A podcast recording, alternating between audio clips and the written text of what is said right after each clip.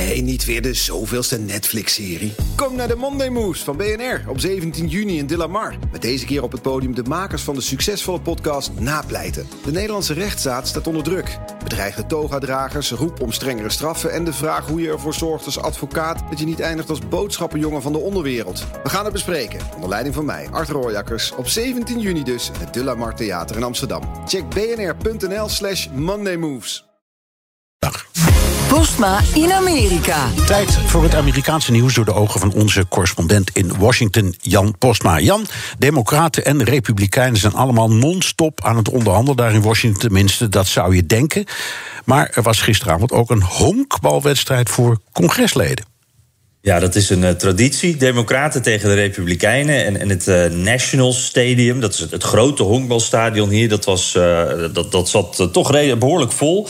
Was een paar jaar geleden er zelf ook bij. Echt een leuk sfeertje, heel gezellig. Heel veel mensen van, van Capitol Hill. En, en er wordt gewoon, ja, dat, dat is gewoon één grote picknick eigenlijk. Maar dit jaar toch ook wel gek door de timing. We kijken al dagen gespannen, of in sommige gevallen wat minder gespannen, naar die dreigende shutdown. Nou, het lijkt dat die er niet gaat komen. Maar ook naar Bidens infrastructuurplan en zijn grote sociale plan. Uh, het Witte Huis wordt platgelopen de afgelopen dagen. Want dit is natuurlijk voor Biden heel, heel, heel belangrijk. Maar ondanks dat was Biden gewoon in het stadion. Oh, that's why we have a break. The president of the United States. Actual president of the United States. Not the racing president, folks. The actual president, oké. Okay.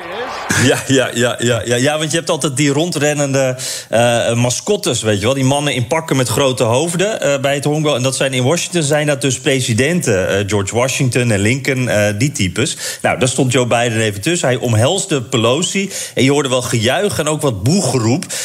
eensgezindheid is er nog niet echt. en ja, er werd al gegrapt, hier zijn ze wel bereid to play ball.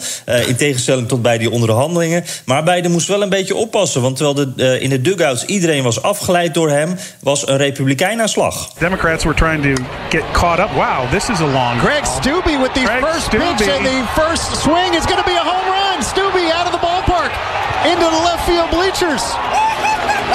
Stubbe with the very first offering from Pete Aguilar swings and sends it to left field and out.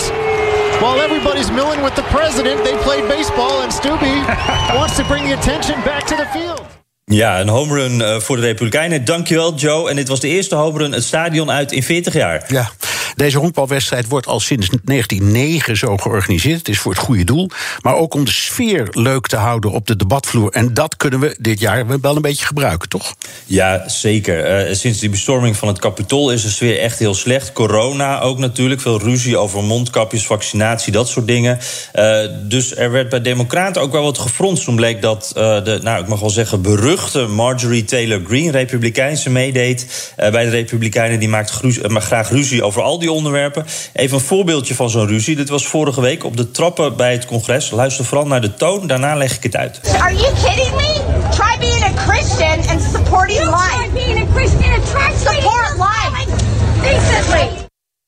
Ja, dit ging over abortus. Ze schreeuwen naar elkaar. Uh, Democraten Betty McCollum stond bovenaan de trap. Zo is de sfeer op dit moment echt niet gezellig. En er zijn veel meer voorbeelden. Republikeinen en Democraten die leven in grote delen van Amerika echt langs elkaar, praten niet met elkaar. Maar ja, in het kapitool moeten ze wel samenwerken. En dan is even afreageren met honkbal dus uh, niet slecht. Toch speelden al die lopende onderhandelingen nog wel een rol in dat stadion?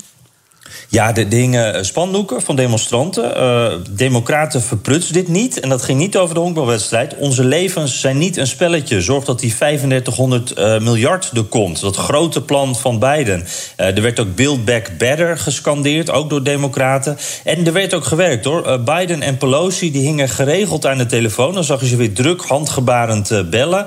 En Biden deelde ook ijsjes uit aan democratische congresleden en republikeinse spelers ook. Is een beetje retail politics daar in het stadion. En ja, misschien helpt het. Uh, ik, ik, uh, in 2015 uh, ging Obama ook al eens naar dit stadion. Toen wilde hij Nancy Pelosi overhalen hem te helpen. Zat hij daar ook in, ineens. toen hielp dat. ja, nu wordt het misschien wel wat moeilijker. Ja. Jan, belangrijkste wedstrijd van het jaar. En de belangrijkste vraag: wie heeft gewonnen?